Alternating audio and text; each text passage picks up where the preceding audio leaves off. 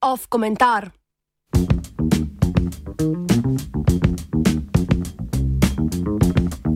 Jaz zate, ti zase.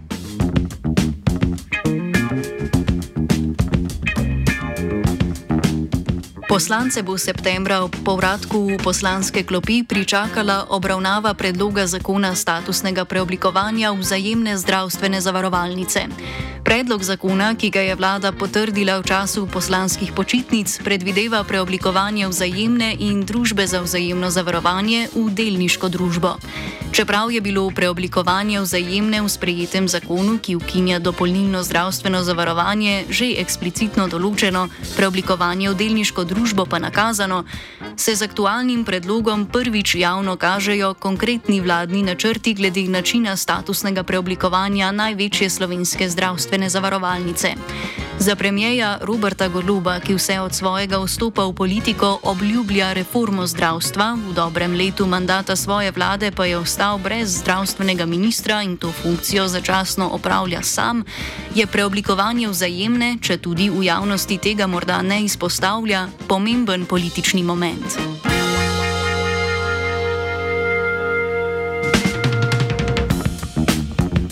Letom 1999 je bilo dopolnilno zdravstveno zavarovanje preneseno z Zavoda za zdravstveno zavarovanje Slovenije, krajše ZZZS, na novo ustanovljeno vzajemno zdravstveno zavarovalnico. ZZZS je kot ustanovitelj prispeval osnovni kapital, tedaj imenovan garancijski sklad, zavarovanke in zavarovanci pa so postali članice in člani nove vzajemne zavarovalnice. Zavarovanke in zavarovanci so bili tako formalno nosilci korporativnega upravljanja zavarovalnice, upravičeni pa so tudi do morebitne delitve dobička iz njenega poslovanja. Skupščino vzajemne, nosilko dejanske moči upravljanja, so za mandatno obdobje volile njene članice in člani. ZZZS, ki je prispeval sredstva za začetek delovanja družbe, ni imel formalnih vzvodov upravljanja.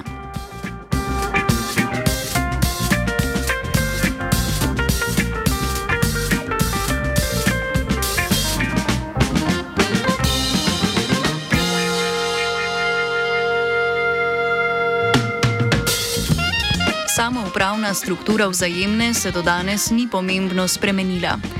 Z mislimi o statusnem preoblikovanju vzajemne se je poigravala družbeno-državno-zborska sestava v, mandat, v mandatnem obdobju 2004 do 2008, torej v času prve vlade Janeza Janše.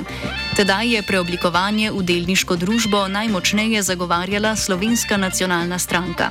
Za preoblikovanje v delniško družbo se je tedaj zauzemalo tudi takratno vodstvo vzajemne.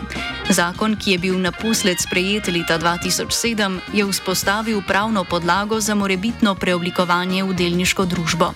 Ampak je v nasprotju z Jelinčičevim predlogom zahteval 90-odstotno podporo članic in članov zavarovalnice, izplačilo uložka ZZZS in finančno nadomestilo članicam in članom, ki bi, pre, ki bi preoblikovanju v delniško družbo nasprotovali. Do preoblikovanja naposled ni prišlo. Pogoji so bili postavljeni prestrogo, prav tako pa zaradi zahteve po poplačilu vložka ZZZS in finančnem nadomestilu članicam in članom, ki bi delnice zavrnili, preoblikovanje ni bilo več privlačno za potencijalne koncentratorje delnic, ki so se nadejali pridobitve odločilne vloge pri poslovanju vzajemne.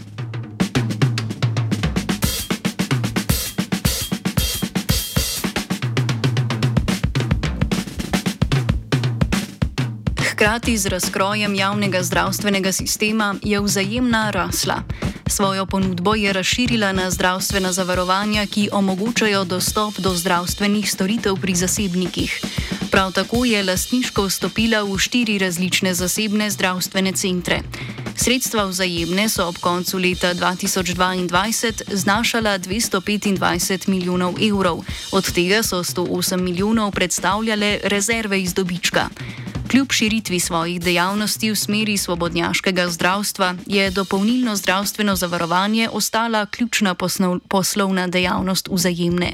Več kot 90 odstotkov izmed 873 tisoč članic in članov je svoje članstvo črpalo iz naslova dopolnilnega zdravstvenega zavarovanja.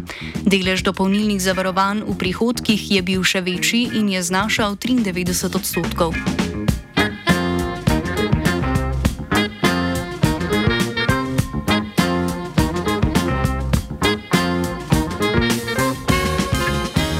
Takšna vzajemna, zasnovana kot ZZZS, je v spinov, ki počasi, tudi ustrajno in uspešno usmerja zdravje v tržno blago, z začetkom prihodnjega leta ostaja brez zanesljivih in avtomatiziranih prihodkov iz naslova dopolnilnega zdravstvenega zavarovanja. Po vladnem predlogu preoblikovanja se bi iz kapitala zavarovalnice najprej ločil ustanovni kapital, ki ga je vplačal ZZZS. Preostanek kapitala pa bi pripadel članicam in članom članom in sicer sorazmerno višini uplačanih zavarovalnih premij od ustanovitve zavarovalnice do konca letošnjega leta. Članicam in članom bi bil kapital izplačan v obliki delnic. Izjemi sta ZZZS ter vse članice in člani, katerim bi pripadal kapital v vrednosti manjši od 70 evrov. Oboji bi se namreč lahko odločili za izplačilo v denarju na mesto v delnicah. Postavitev meje pri 70 evrih vlada pojasnjuje s primerljivimi stroški borznih posrednikov in centra klirniško-depotne družbe, ki bi jih morale upravičenke in upravičenci do delnic poravnati.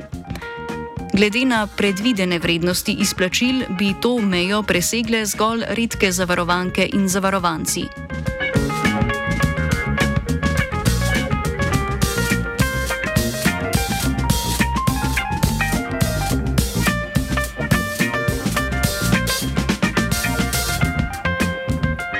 Za veliko večino članic in članov vzajemne torej izplačilo v obliki delnic sploh ne bi bilo smiselno. To pa naredi preoblikovanje v delniško družbo toliko bolj privlačno za tiste, ki bi uspeli hitro pridobiti večje število delnic in s tem povezanih glasovalnih pravic. To napoveduje zanimiv in hud boj za prevlado v zavarovalnici, ki si prizadeva voditi liberalizacijo slovenskega zdravstva. Ministrstvu za finance ter odvetniški pisarni Rojs, Pelhan, Prelesnik in partnerji, ki je pripravljala zakon, je to povsem jasno. Zakon namreč že določa uvrstitev delnic v trgovanje na organiziranem trgu, Ljubljanski borzi, in jasno prepoveduje kakršne koli predhodne prenose delnic izven organiziranega trga, z izjemo dedovanja. Z namenom pospešitve postopkov predlog zakona tudi izredno izključuje uporabo nekaterih pravnih varstev, ki jih sicer pozna področna zakonodaja.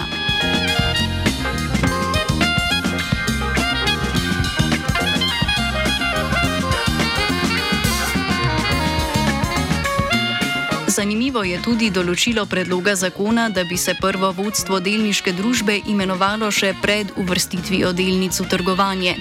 Tako bi prva skupščina potekala z ogromnim številom delničarjev, med katerimi bi vsi imeli zanemarljiv delež. To bi verjetno privedlo do boja različnih skupin za pooblastila za zastopanje na skupščini, da bi si pridobile dejanski vpliv na odločitve skupščine. Vsakršna podobnost z lastniškimi certifikati, tesno povezanimi s tako imenovanimi PID skladi, po zakonu o lastninskem preoblikovanju podjetij iz začetka 90-ih, je zgolj naključna.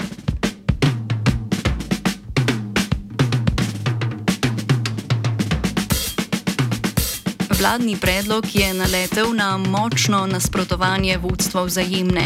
Najizrecneje so proti neposrednemu preoblikovanju v delniško družbo in delitvi kapitala, ki ne izvira iz dopolnilnega zdravstvenega zavarovanja. Vzajemni so konsistentni, ker zastopajo interese vseh zavarovank in zavarovancem, ustrajajo, da mora biti vsakršna odločitev o statusnem preoblikovanju v rokah zavarovank in zavarovancev in ne prepuščena samovolji državne oblasti. Želijo si ohranitve statusa quo, ki jim omogoča precej umirjeno upravljanje zavarovalnice preko ribarjenja v kalni skupščini.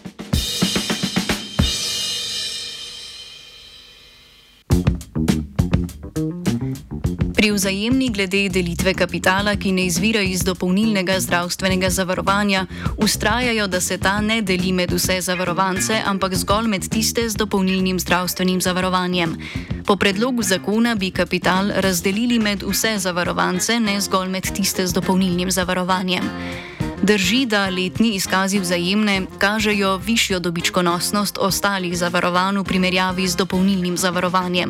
Od tod bi sledilo, da so premije drugih zavarovanj relativno prispevale k dobičkom vzajemne v večjem obsegu vendar pa teh zavarovanj ni moč primerjati zgolj kot razliko med premijami in škodnimi izplačili.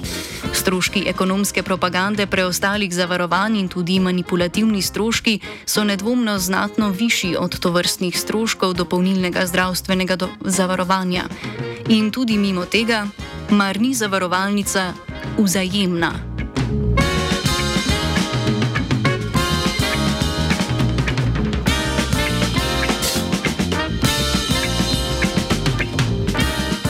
Vzajemna je tako že napovedala vse vrste pritiska, da prepreči sprejetje zakona, vključno z zakonodajnim referendumom.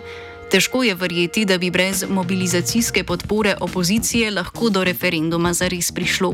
To, da vzajemni koristijo že z referendumom povezani zavlačevalni manevri, saj vlada njeno preoblikovanje v delniško družbo načrtuje že s 1. januarjem. Obenem to koristi tudi opoziciji, ki zlahka otežuje postopkovno dejan, nepremišljena dejanja vlade pri poskusu delnega uresničevanja zloglasnih časovnic.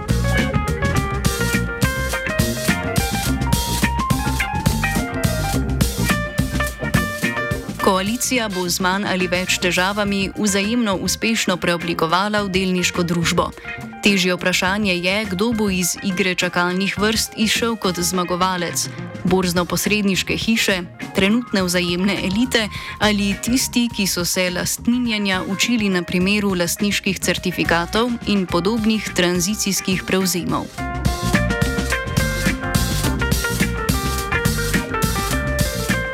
Pod nadzorom Fabjana je komentiral vajenec Ervin.